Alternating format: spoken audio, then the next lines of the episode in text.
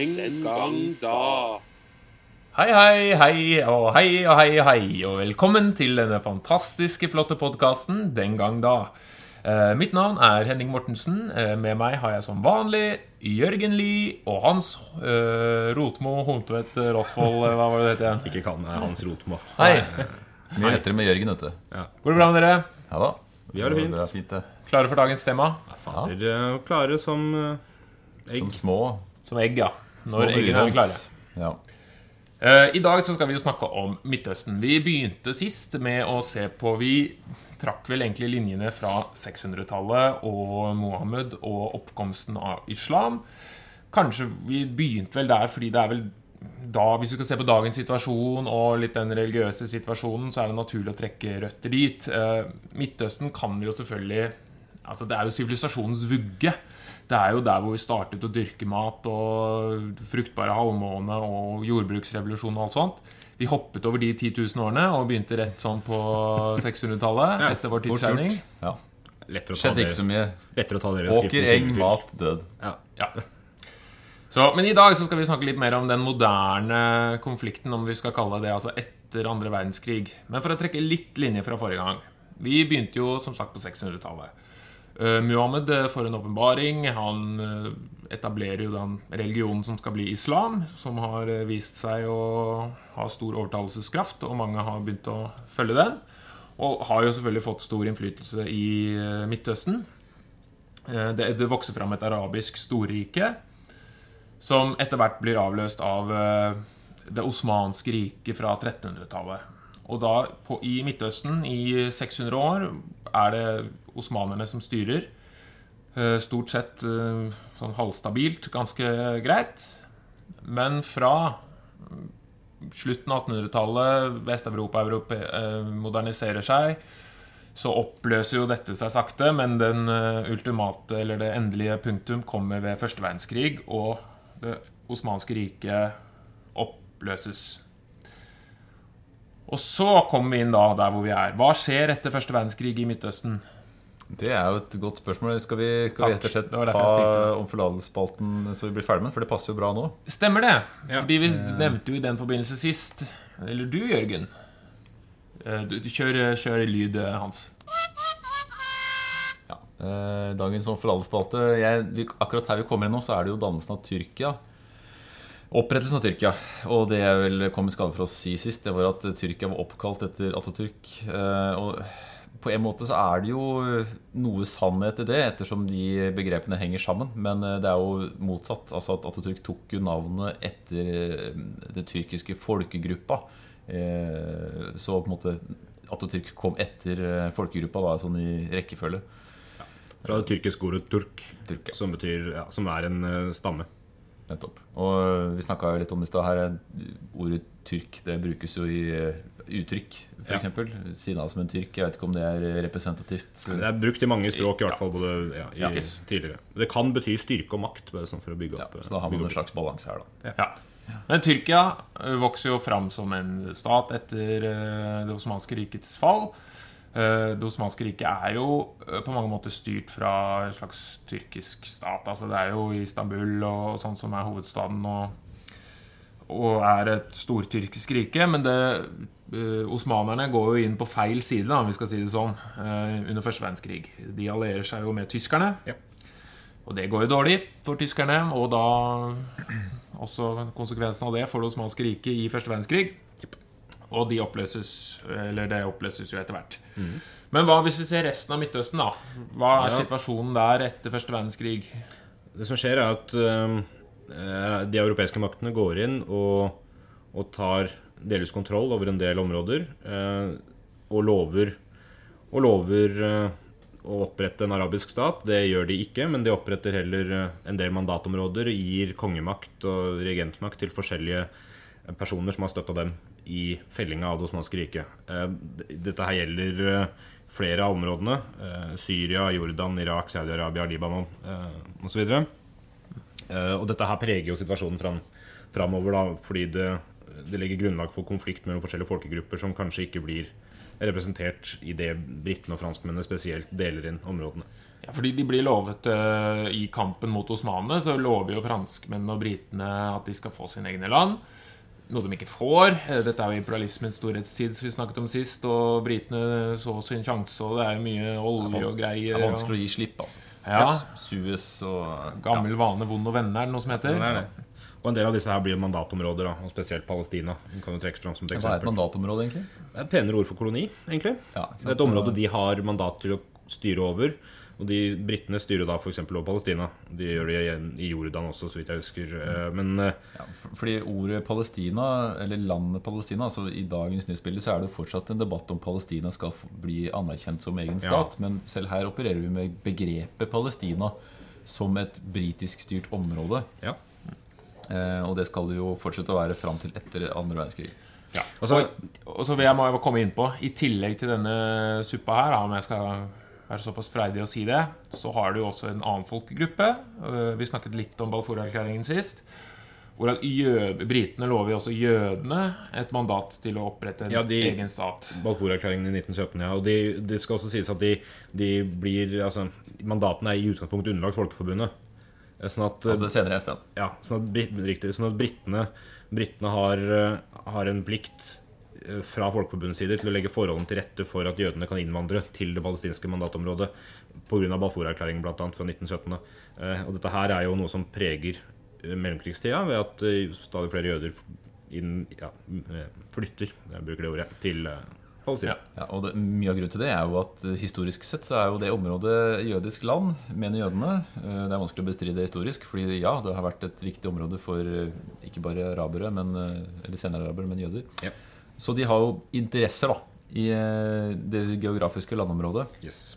Eh, Og i den eh, fasen da, som vi kaller mellomkrigstiden, altså første og andre verdenskrig, mellom, mellom første og andre verdenskrig, så, så er det en innvandring, som du sier. Men det var ikke gitt at det skulle bli det som da var Palestina og nå Israel, at det var det området. Var det ikke snakk om at det skulle også Jo. Man hadde jo andre forslag da, om at jødene på en måte skulle ha i mangel på et bedre uttrykk et sted å være i fred. Altså, Jødene har en lang historie og har blitt uh, forfulgt gjennom mange forskjellige situasjoner. Eh, men man var, man var vel inne på Argentina, var det ikke det? Ja, Det var eh, Jo. For dette vokser jo fram, ikke sant? Sionismen som vokser fram som en bevegelse fra slutten av 1800-tallet, hvor det rett og slett er en jødisk nasjonalisme, en slags Kall det en oppvåkning, eller hva du vil. En slags Man identifiserer et behov for å skape en egen nasjon for det jødiske folk. Og dette skjer jo samtidig som veldig mange andre eh, mange andre folk også etablerer seg som nasjonalstater, og nasjonalismen vokser. Så det her er jo bare en, en av mange. Ja, ikke minst Norge. som Ikke minst Norge på samme tid, ja. Det, er, det er en kar som heter Theodor Heitzel, som er eh, på en måte sionismens far. Som, eh, altså Sionisme som begrep det har jo ikke bare med at man drømmer om et land som heter Israel, men at man også ser på det som en religiøs størrelse. Altså Man skal komme hjem til landet Sion også Ja. religiøst.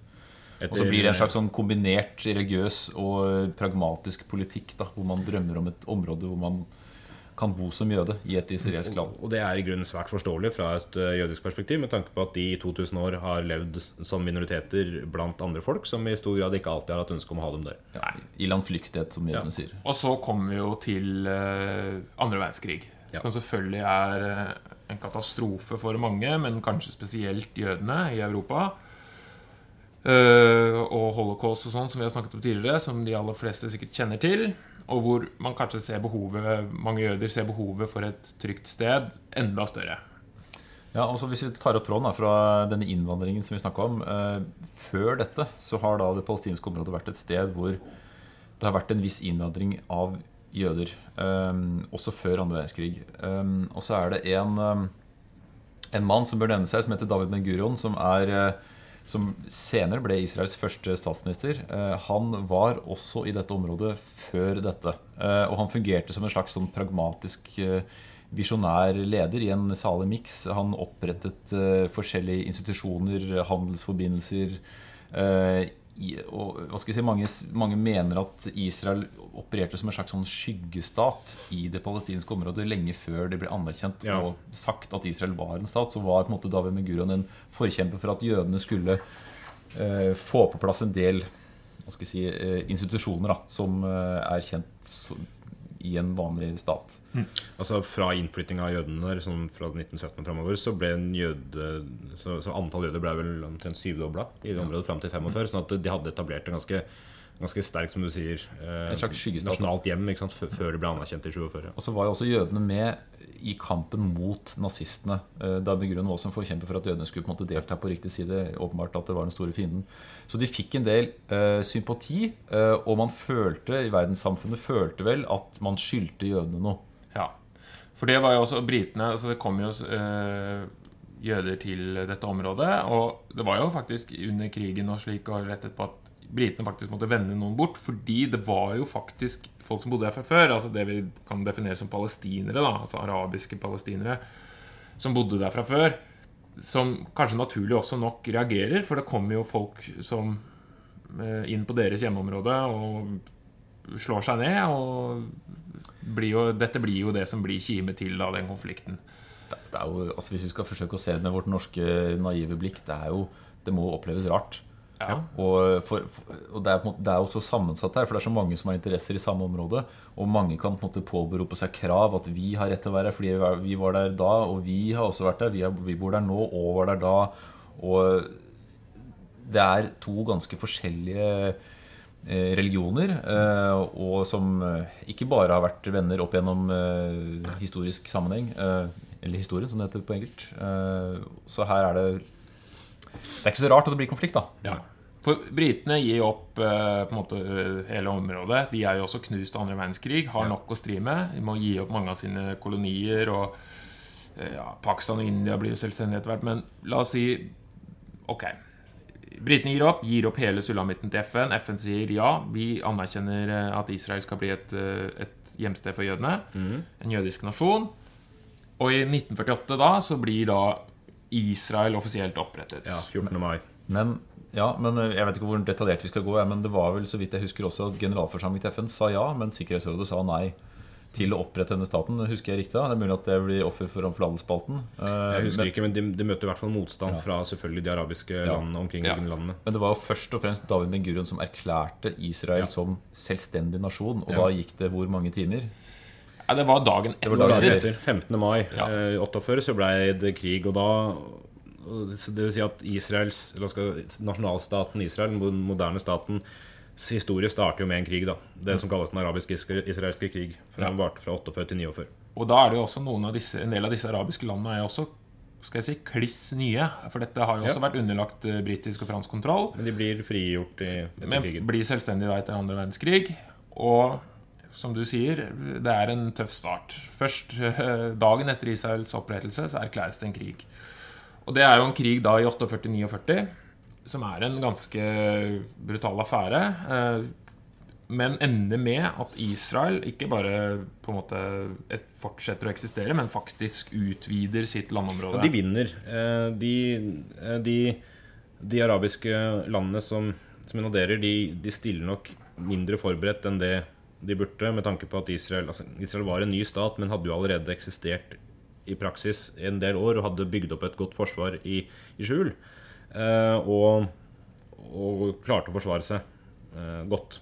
Eh, selv om Jordan og Egypt eh, erobrer Vestbredden og Gaza, som det blir nye konflikter om seinere, så er Israel som kommer seirende ut. Og det blir styrka ut av konflikten. Og i dette her så er jo allerede Vi snakker om flyktningkrise i dag, men det var jo flykt, altså over 600 000 palestinere da som da ble drevet på flukt i, i kjølvannet av denne krigen, eller i denne krigen. Et svært eh, evigvarende spørsmål antageligvis om, eh, om skyldfordelinga i, i, i flukten til de palestinerne. Eh, Noen hevder etter å ha lest kildene at eh, palestinske myndigheter selv opp- oppfordra palestinerne til å dra, mens andre mener at israelerne drev dem ut. Jeg skal ikke ta standpunkt akkurat der. Men, men, det, men det starter med en krig og en flyktningkrise. Ja, og kan man jo også si at de andre arabiske landene ikke gjør så mye for å, Ja. for å ta imot disse Ja, de blir jo enige om å ikke ta dem imot. Ja, ikke sant? Man blir jo enige om ikke ta dem imot. Dette er Israel skal ikke få lov til å Nei. herse med oss, da, for å si det sånn. Så det, det blir en eh, Så det er litt ansvar der òg, selvfølgelig. Ja, flyktningkrise som varer lenge. Eh, Men Israel utvider, Israel fortsetter å eksistere. Eh, De andre landene i omkringliggende landet De anerkjenner rett og slett ikke eksistensen. Eh, Og så er det ikke veldig mange år før det blir en ny krig. Og da er det jo 1956 og det som blir kalt Suez-krigen. Og da er det jo Egypt som, eh, iverksetter. Ja, Egypt ønsker jo å nasjonalisere Eller de nasjonaliserer vel Suezkanalen. Ja. Hva innebærer det? Det er jo det, ikke sant? De ønsker at den skal bli under statlig kontroll. Ja, For den er jo ja, Jeg husker ikke om det var britisk. Jo, britisk selvfølgelig. Uh, Ja, Og britene og franskmennene her går jo da inn sammen med De støtter jo Israel i kampen mot Egypt. Fordi Egypt frykter for sine interesser. øh, Nei, Israel mener jeg frykter for sine interesser hvis Suezkanalen blir stengt. Og ja, og bare, bare, for dem, da. Men, og, for, har sagt, Suezkanalen er jo da et vanvittig viktig knutepunkt. Fordi det kutter jo reiseavstanden mellom Middelhavet og i Det indiske hav med gudene vet Eller gudene vet jo sikkert det. Menneskene vet hvor mange kilometer. Eh, Fordi man slipper å seile rundt Afrika. ja, Bygd i 1869. En, eh, Utrolig deilig å slippe å seile rundt Afrika. når du ikke skal Ja, når du ikke skal Det liksom er et stykke. Det er et sti- stykke. stykke. Nei, men dette her, et, altså et, Etter press fra USA, FN og Sovjetunionen så, så opphører jo den krigen her, da. Ja. Men uh, dette her markerer jo også slutten på at Europa kontrollerer i området, egentlig. Og, og, og skal si, de, de arabiske landene og Israel osv. De, de får jo da mer selvkontroll i det området. der. ja. Men allikevel så blir også Midtøsten et spillerom for den kalde krigen. Ja. Uh, her er jo også, Dette er jo midt under liksom, den kalde krigens eh, glansperiode. Og amerikanerne og Sovjet ønsker å spre sin innflytelse og fornekte den andre part noe særlig innflytelse. Eh, amerikanerne kom jo med Eisenhower-doktrine, som er en, en lovnad om økonomisk støtte og hjelp til da, de som ikke blir kommunister. ikke sant? Som amerikanerne alltid, både fra Truman-doktrinen og Marshall-planen og alt det. Så lenge du ikke er kommunist, så får du hjelp av oss. Eh, uten å få noe sånn store gjennombrudd. Men også Sovjet ønsker jo, og de allierer seg etter hvert da med det som skal bli Syria. Det kommer jo litt inn på, eller det som er Syria, som vi kan komme litt inn på senere. Men det blir også et spillerom her, da. Men allikevel så er det jo de lokale konfliktene som får størst spillerom i dette området. Dette er jo et område som både da og nå er preget av konflikt. Og du kan jo egentlig se hele Israels historie. De har jo en krig hvert tiår. Nå nevnte vi 56. Ja, men da da skal vi gå til 67, da. ja, for vi må jo neste tid for 67-krigen, seksdagerskrigen, er jo veldig sentral her. Og her er det jo Israel som invaderer. Eh, Ja. eh, Invaderer Egypt, Jordan og Syria. Det stemmer. Og de, de får, i denne krigen så får de vel eh, kontroll over hele Sinai-halvøya og Golanhøyden i nord. De erobrer nye områder, ja. og Vestbredden. Eh, jeg har et sitat her. Eh, en uke før altså, det, altså Riktignok var det Israel som erklærte krig, men det var en konflikt som ble bygd seg opp. Det er klart. Eh, også har å gjøre med Syrias grenser å gjøre, men altså det var, det var forskjellige La oss si det enkelt, det var forskjellige incidenter eller hendelser Ja. som gjorde at her blir det krig. Og Ja. USA endte til slutt opp med å støtte Israels uh, erklæring om krig. Uh, men før dette, jeg har et sitat her fra en uke før denne krigen brøt ut, så uttalte da den egyptiske presidenten uh, Gamal Abdel Nasser Han uttalte at målet, skulle det bli krig, og det var vel på en måte åpenbart at det ble det, så var målet å tilintetgjøre Israel som stat, og den arabiske samlede krets var med og klare for å slåss. Det var omtrent det han sa. Så her har vi på en måte eh, igjen, da, den, eh, hvis vi skal kalle den eh, den lille vepsen Israel mot uh, den store elefanten, den samlede arabiske Ja. Ja. For Hvis du ser geopolitisk på det, hvis du ser på en måte kartet, så er jo Israel en bitte liten knøtt i et stort arabisk hav. Om du skal si det sånn. Ja, og Fra et israelsk perspektiv så er det klart at deres rett til eksistens, når man tenker på at de er de eneste jødiske nasjonalstaten i verden, i, i sent, altså midt i en, en gruppering av mange arabiske stater, eller muslimske stater, hvis man kan bruke et så generelt begrep, det er klart at, at det er en ugrei situasjon. Eh, Nå forsvarer ikke jeg nødvendigvis okkupasjonen av den grunn, men det er en ugrei situasjon. Det er, det er mulig å se dette fra forskjellige perspektiver, selvfølgelig. Vi så godt vi kan. vi er jo verken jøder eller arabere, så vi forsøker å påberope oss en slags objektivitet. Men Ja. det er vanskelig, eh, for det, er, eh, det, det begås både krigssynder fra begge sider, og det er interesser som er overfallende, overlappende fra begge sider.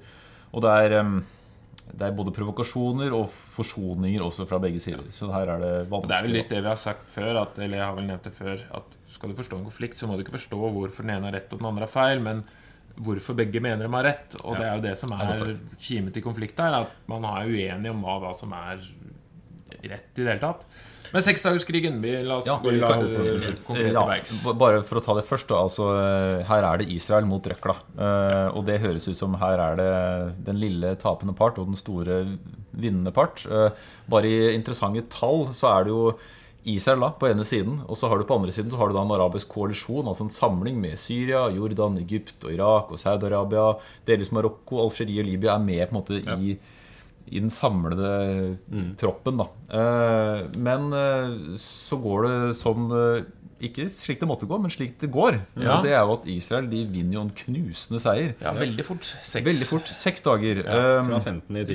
til Selv om- fly ned Ja, på bakken, på en måte. ja, også Selv om på måte Eller når de står på bakken. Ja, selv om på måte hærene er De israelske hærene er jo mye mindre, men det er en ekstremt effektiv hær Ja. eh, araberne møter, og en mye mer moderne hær. Eh, og det ender jo med at eh, mens israelerne mister under 1000 mann, eh, bare i rene tall, og så mister bare Egypt ca. 10 000. eh, og de andre landene også en rekke tusentalls menneskeliv går tapt. da Så hvis jeg ikke tar helt feil, så, så tar, klarer Israel å ta det egyptiske flyvåpenet før noen av de egyptiske flyene klarer å ta av. Ja. Ja. Eh, Bomberne på bakken. ja.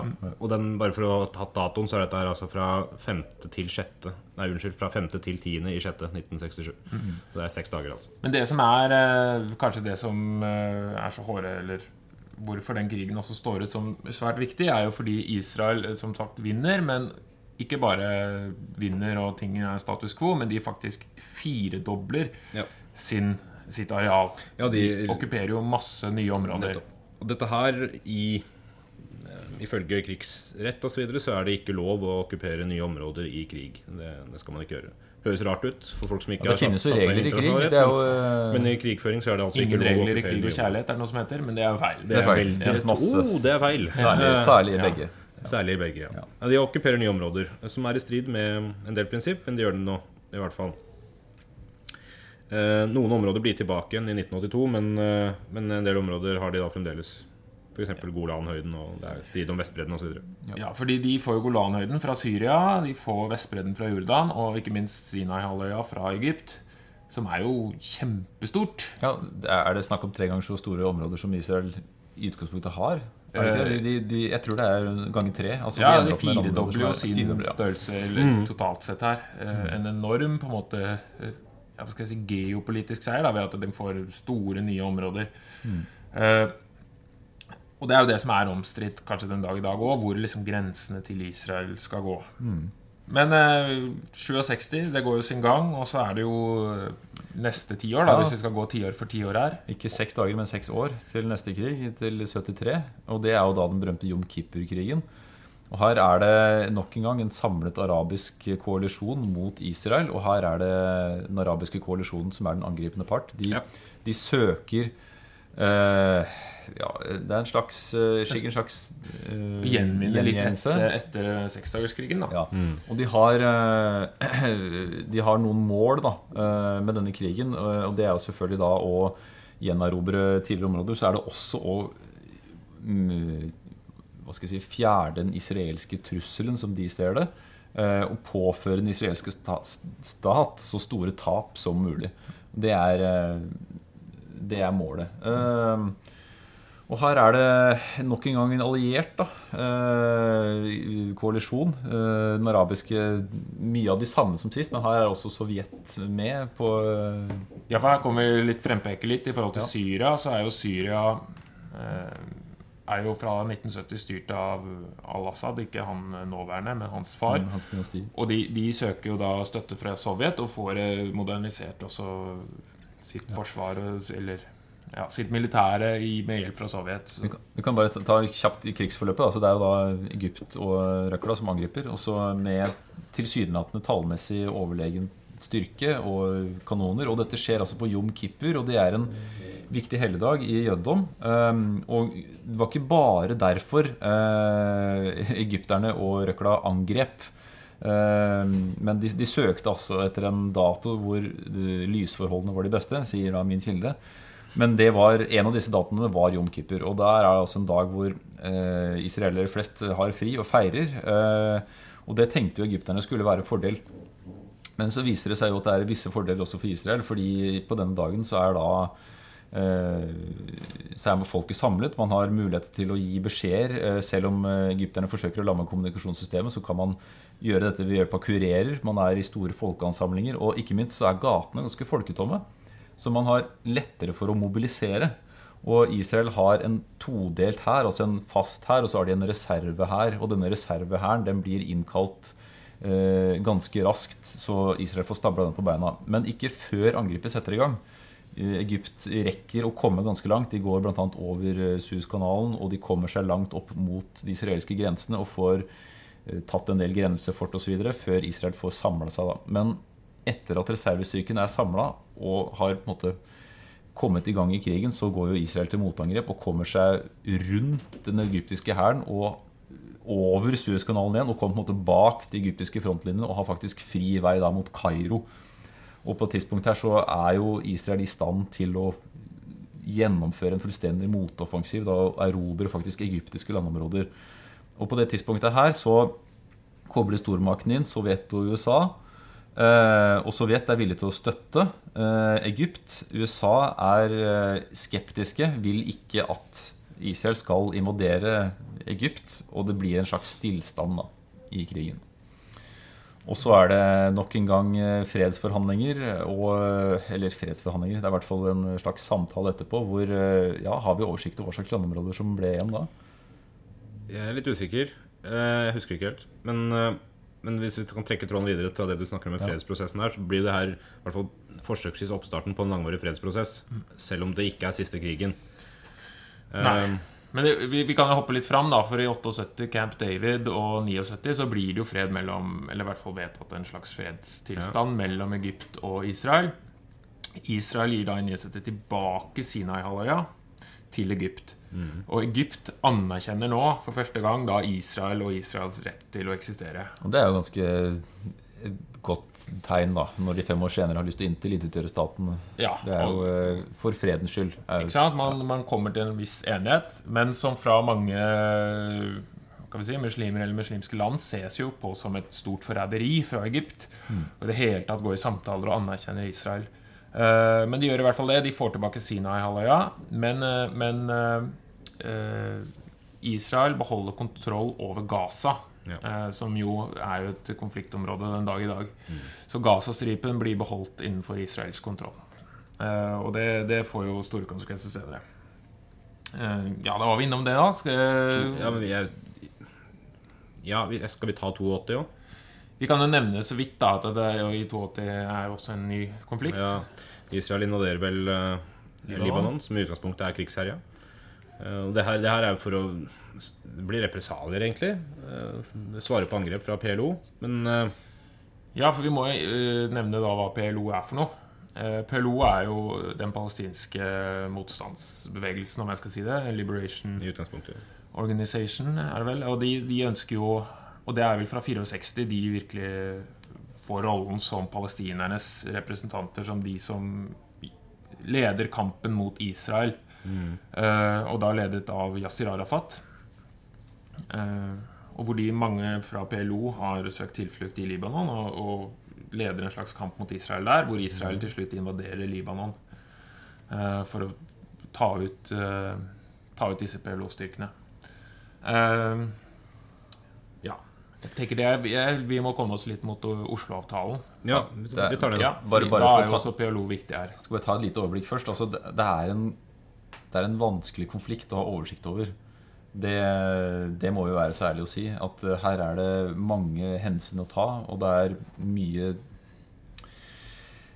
ja, Det er koalisjoner, og det er, eh, som jeg var inne på i stad, det, det, foregår mye både positive og negative ting på begge sider. Her er det vanskelig å få et fullstendig bilde av hvem som har rett og galt. Men som du sa, Henning, det er kanskje ikke poenget her heller. Poenget er å bare forsøke å forstå mekanismene i denne konflikten. Ja, og det jo det som går igjen, er jo de som bodde der fra før, er ikke enig i at de som har flytta dit, skal bo der. Og de som har flytta dit, mener at de har rett til å bo der. Og og kjemper da mot de som ikke ønsker å ha dem der. Ja. Det er jo en I essens. Ja. Og så kan man selvfølgelig trekke inn at det finnes mange forskjellige fraksjoner og meninger innafor hver enkelt side også. Eh, Det er ikke enhet i den israelske staten, verken i befolkningen eller politikken, om, om den politikken som føres. Det gjelder også i, blant palestinerne. Eh, Både religiøse, kulturelle og politiske motsetninger internt, som også gjør dette her mye mer komplisert. Men Ja. det blir forsøksvis fred etter hvert. Ja, det, det, det er håp her. Eh, Du nevnte Oslo-talen, Henning. Ja, 93, var det ikke det? jo. Eh, Oslo-avtalen, hva vil dere si litt om det? Skal jeg Kan du nevne litt? Du. Ja. Oslo-avtalen er jo en avtale som blir inngått mellom da PLO og Israel. Eh, PLO blir anerkjent fra Israels side som representanter for, eh, for, palestinsk, for det palestinske folk.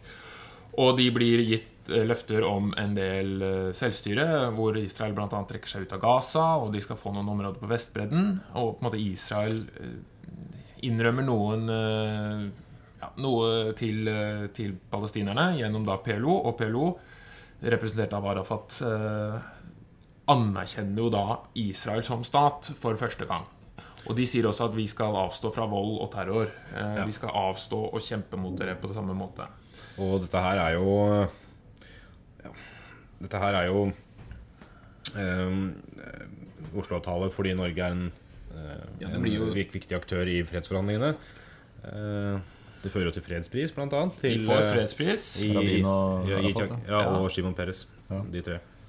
Rabin, Shimon Peres, Yasir Arafat. Og så og så er USA med som forhandlende part der. Altså, det er et kjent bilde fra Ja, vi har det jo her. Det kan ikke vises på radio. Eh, Du sa det likevel. Ja, jeg sa det likevel, for det er så fint å beskrive et bilde muntlig. Eh, Men hvor Bill Clinton står bak og holder hendene altså, i en slags sånn omfavnende gest, Ja. og Arafat og Rabin tar hverandre i hendene. Og bare det å ta den andre parten i hendene, det skal man være klar over, er ingen selvfølge her. Nei. Og et langt skritt framover. Her var jo folk veldig optimistiske. Ja. Dette kommer til å ordne seg. Her er det mulig kanskje å få til en tostatløsning, da, som man har snakket om lenge. Um, om at, at, Israel og Palestina kan fungere som to stater i sameksistens. Ja. Altså, det var jo som du sier, stor optimisme her. De fikk fredsprisen. Det? Man har ført to fiender sammen. Det er jo det det er snakk om her. Folk som definerer seg som fiender. Som, som du sier, eh, håndhilser og, og smiler og signerer avtaler. Og man innrømmer visse ting. Men allikevel så skulle jo vi ønske at vi kunne Men- si 'levde lykkelig alle Ja, sine dager', altså, men slik dette- er det jo ikke. Dette her er jo en eh, Den den er fin fordi den, eh, den får dem til å kommunisere. Og den, opp, den, den sørger for opphøret av Eller delvis da bidrar til opphøret av den første intifada, hvis du skal nevne det også, bare for å bruke de begrepene, fordi det kommer til å eh, det, det, kommer til å gjenta seg. Så vi, palestinerne eh, gjør opprør eh, mot israelske bosetninger og myndigheter Ja. fra 80-tallet og framover. Eh, og den første intifadaen fra 87 til 92 eh, er jo et sånt opprør. Altså Intifada er på en måte det du sier. da Et, et opprør i begynnelsen, sivilt ja. uh, ulydighet. Altså folk som på en måte tar loven i egne hender. Jeg tror det, er det å, arabisk det betyr å riste av seg. Ja. Eh, ja. så har det vært to. Eh, Det har er vel fortsatt fordi- den andre. ja. Og det, det her, da. Eh, Oslo-avtalen går bra en stund, men noe av kritikken mot den er at den ikke er konkret nok. Den, har ikke, den, den kan ikke stille med nok konkrete krav og forslag til at dette her skal holde. Så i 2000 så blir det en ny konflikt, og den andre intifadaen begynner. Um, I 2000? Var det I år 2000. Ja. Ja. Jo- Noen kaller det Oslo-krigen. eh, Høyreorienterte og eh, Ja. israelere kaller det Oslo-krigen fordi den er en, noen mener at det er en utslag av Oslo-avtalen. ja. Går- går, altså, hvis vi skal forsøke å se på dette med, med vårt naive, objektive blikk Her er det, som du sier, Hans, eh, en konflikt hvor tilsynelatende to parter er enige, men, men begge partene har fraksjoner. Altså, Det er undergrupper og folk som er uenige innad i samme enhet. Altså, Israel er ikke enige om alt. Det finnes masse mennesker som er uenige om veldig mye, og det samme gjelder jo Palestina. Ja. Ja. Et godt eksempel på det, altså et tydelig eksempel på det, at i 2006 så er det faktisk en krig mellom Hamas og Fatah, altså om, eh, som er begge palestinske Grupper, ja. grupper. Eh, hvor det er fraksjoner sant, som slåss mot hverandre. Og i dag i dag så er det er jo Hamas som er en mer si, en mer militant uh, islamistisk gruppe som styrer Gazastripen, mens Fatah med Abbas da i spissen som har, på en måte skal lede, lede palestinerne på Vestbredden. Og, men vi, dere nevnte intifadaene. Det er jo også Hvis vi har vært inne på kriger, da. Det har jo vært uh, krig på Gaza, eller Israel som har hva skal jeg si, angrepet Gaza Gazastripen som et eh, svar på rakettangrep og aggresjon fra Gaza, både i 2000 og 2014. Men eh, vi lar det Vi skal ikke si så mye om det, Fordi da, dette er en historisk podkast, og det blir litt for historisk eh, Det først vi må holde oss til Ja. fortida. Vi kan bare si at per nå da, så er det jo fortsatt en vanskelig konflikt. Og det er, um, med jevne mellomrom så er det skuddvekslinger og rakettangrep. øh, Og um, det var en knivstikkings... Ja, det er jo det sant, den store striden nå med ikke sant, altså, Ja. Og det, det Israel har gjort, da, for sin side, det er å bygge en mur. Uh, og de forsøker å kontrollere uh, det de mener er urettmessig angrep uh, mot sivilbefolkning. blokaden av Ja, mens det igjen da fører jo til at den palestinske befolkningen jo har veldig vanskelige hverdagsforhold ved at de må gjennom grensekontroller og um, ikke har den friheten som de skulle ønske. Ja, for det er jo fraksjoner som sier det at det har på begge sider folk som kjører hardt mot hardt. Eh, tann for en tann og øye for et øye, eller hva det heter. Og da eh, Ikke for å virke naiv, men med den eh, måten å tenke på, så kommer man ingen vei. Så vi må Men, ja, altså Noen hevder jo at en, en eneste mulig løsning her er en, er en eh, diktator som kan eh, bestemme at sånn, sånn blir det, og så holde det gående så lenge at folk glemmer at de er uenige med hverandre. Nettopp, Eh, Det er også litt drastisk. Men så noen selvfølgelig hevder på den ene sida at det er, det er, er mye, mye sivil ulydighet og angrep fra palestinernes side, som Israel svarer på. Men så lenge Israel er den sterkeste parten, så er det de som må, som må gi seg først for at opprørerne opp, opp, skal slutte å angripe. Eh, Det er, det, er liksom, det, er, det er fryktelig vanskelig, dette her. Ja, og så er det, så er det kjempelett for oss å se hva som er den naturlige konflikten, men det er klart når du lever intenst i en konflikt, hvor du hele tiden kan finne en slektning som er skadet, eller eh, et menneske som er drept i din nære familie, og du vokser opp med at den ene parten er ond, ja, Folk er jo født inn i det. født inn i det, så er, så er det veldig vanskelig å se for seg hvordan man skal eh, gjøre om på det bildet da, når man er født inn i det. På Du har- du har jo Konflikter har jo liksom både intellektuelle, intellektuelle sider, men også emosjonelle sider, som klart er ja. desto viktigere, kanskje. Og du har, jo, du har jo to og snart tre generasjoner som, eh, som kun har opplevd krig. Og, det, og, og der vil jo ikke nødvendigvis fred være den eh, beste løsninga, av den enkle grunn at det betyr at noen kommer til å måtte jenke på, jenke på kravene sine, eller eh, gi opp sin eh, freds... Men- eller, ja, et eller annet. Eh, Du nevner jo, eh, du nevner jo eh, at det burde komme inn en diktator. Noen mener jo det. Ja, jeg mener ikke det, men det, Noen, noen ja. Er det deg du tenker på, Hans? Melder du deg frivillig? Nei. Men nei, da, da tenkte jeg tenkte å bruke det som en overgang. Fordi, ja, En lystig overgang. Fordi det er jo et land som har hatt en diktator som det heller ikke har gått så bra med. Jeg tenker da på Tyskland. Bashar al-Assad Ah. og Syria. For vi må, når vi er innom uh, dette området, så må vi jo snakke om Syria. Uh, det er jo en forferdelig situasjon der nå. Eh, Ja, 50% av befolkningen er på flukt. Eh, Det starta med rolig opprør i, Eller rolig rolig. Opprør, i hvert fall. opprør i hvert fall i 2011, og så er det en eskalert konflikt med total borgerkrig. En Og, fabelaktig vanskelig situasjon med tanke på at det er internt, mye internt fordrevne som FN ikke har mulighet til å gjøre noe som helst med. Oss. Ja. Så det, det, det, er- det er jo anerkjent. Altså, det er, men vi må jo snakke om det allikevel. Historien er jo ikke alltid lystig, dessverre. Nei. Eh, Eh, hvis vi, for Syria har jo lenge vært styrt av en uh, diktator. Uh, du har uh, Bashar al-Assad nå, som er jo han som sitter fortsatt ved makten. Han tok jo over for sin far. Mange visste at han klamrer seg til makten. Eh, Jeg var vel en av de som tenkte at dette kommer ikke til å vare lenge etter opprøret i 2011, men han sitter der fremdeles. Han gjør det. Han gjør det. Og det er jo, må vi, da må vi litt i historien for å se. Hva er det som fører til dette her? Bashar al-Assad han tok over for sin far, Hafez al-Assad. Han vel, ja. Han tok over i 1970. Og har styrt med jernhånd ganske, ganske greit. Hvor i 2000 Hvem tok over i 1970? sa du? Hans far. Ja, nettopp. Ja. Ja. Hafez al-Assad. Mm. Han tok makten da i 1970, har satt til 2000, hvor da hans sønn Bashar al-Assad, som i utgangspunktet er øyelege, faktisk, Ja. eh, og skulle jo egentlig ikke ta over, men eh, måtte det når broren hans døde, Øyelege eller diktator, hva velger du? da ble det diktator. Okay. Dessverre, vil kanskje noen si.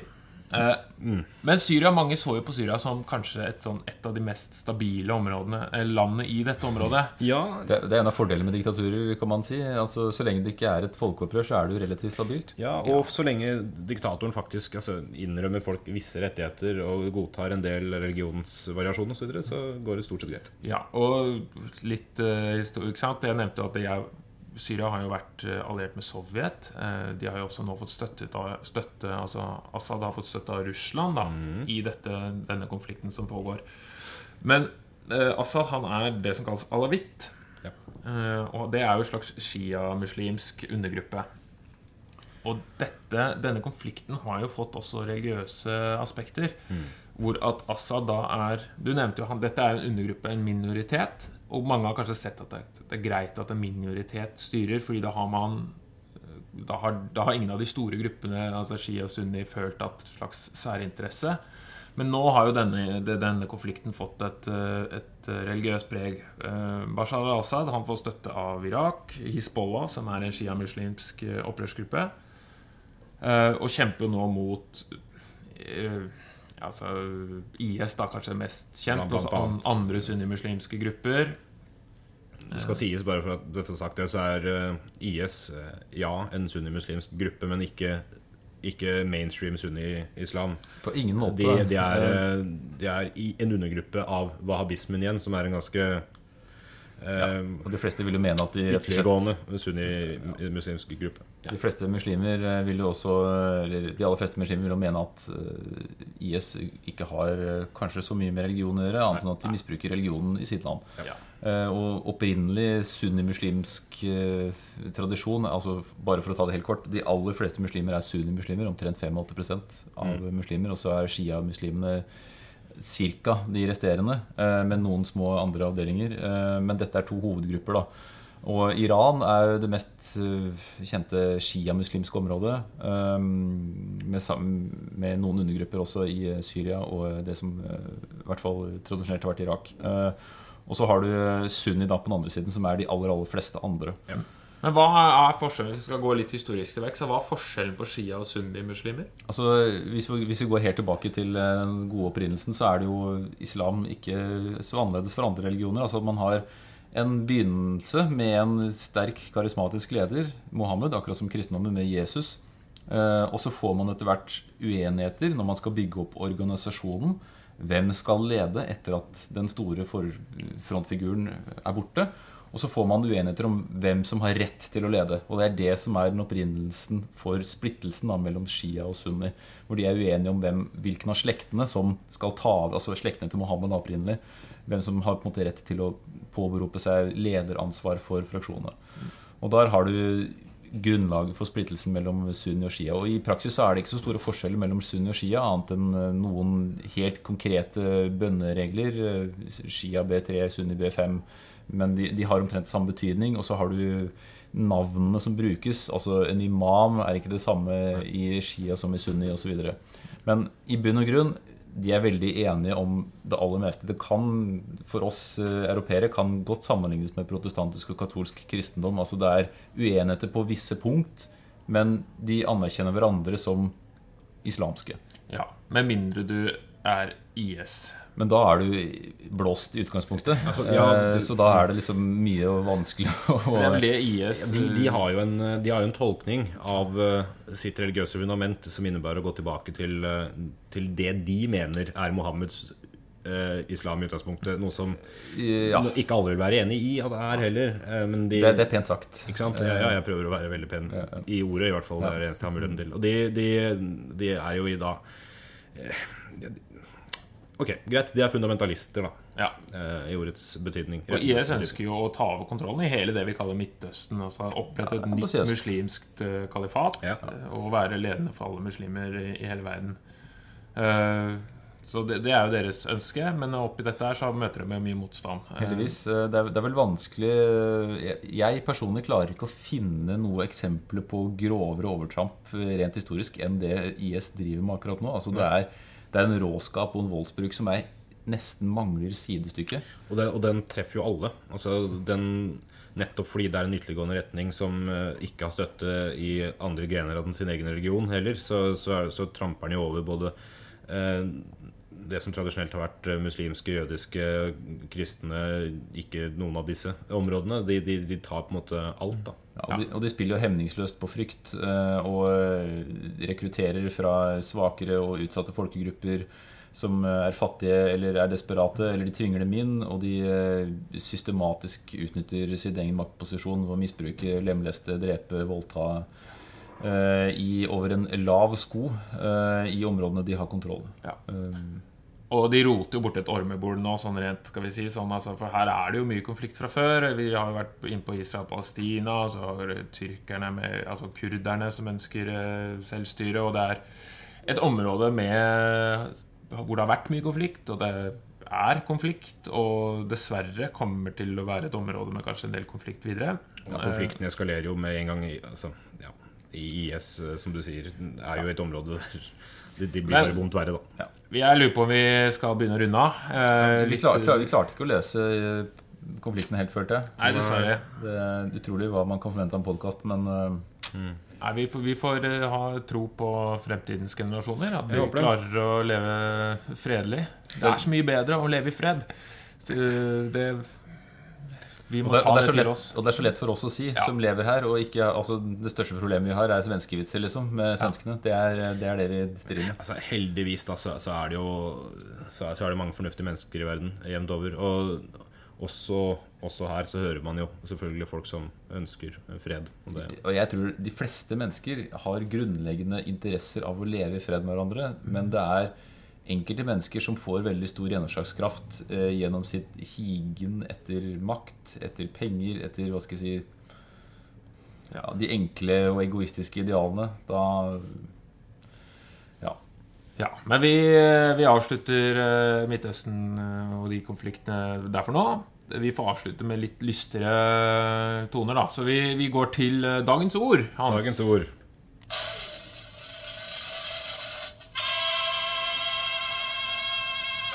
Dagens ord er et hebraisk ord, eh, faktisk. Ja, fram passende. fra, ja, det er ikke sant? Og det er chai beseret, og betyr uh, å leve i en film som brukes om, uh, om noen som uh, er i overkant urealistisk i synet på en situasjon, for å si det sånn. da. Det, det er, det er ikke, vi har ikke direkte ord for det sjøl, men chai beseret, altså. Du lever i en fantasi, Du lever liksom. litt i en fantasi. Ja. IS. Ja, absolutt. Slags Nå, nå tar vi standpunkt på Men det er greit, Ja, akkurat jeg Jeg føler ikke at det er så kontroversielt å, å, IS. Rakke litt, ned på litt som å være imot Hitler. Det Ja, er greit, jeg står for det. Jeg vil si det er ganske likt, faktisk. Her er det vanskelig å finne en tydelig skurk. Ja. Jeg er imot skurkene. Du er imot skurkene. Ja. Det er jo ikke så veldig kontroversielt. Nei. Så skal vi si takk for nå. Jeg tror det. Eh, vi har vel en episode eller to til før sommeren. Ja, fader, vi liker å snakke, eller skravle, som det heter på hebraisk. Lachfor. Ja. Ja, det, ja. Gossip. Eller altså Hva heter det? Sladder. Sladder, ja. Sladder, ja. ja. Det er fint. Ja. Sladre. Vi liker å sladre. Vi, vi tenker å annonsere neste episode, men eh, det skal vel kommer eh, Det kan vel annonseres eh, på Facebook-siden vår, f.eks. Ja, gjør det. Husk å følge oss Ja. på Face. Vær med i diskusjonsgreiene jeg legger ut stadig vekk. Så hvis dere ikke har Facebook, skaff dere Facebook. Lik den gang da. Har du Facebook, lik fortsatt den gang da. Har du Facebook og liker den gang da, keep up the good work. Yes. Og hvis du bruker Facebook altfor mye, så ro ned litt. Altså lev livet. Ja, du kan godt opprette flere profiler hvis eh, målet er å ha flere likes på den gangen. Det er greit. Ja. Skal vi si takk for nå? Det skal vi. Ha det bra! Nei, faen, vent, da. Unnskyld.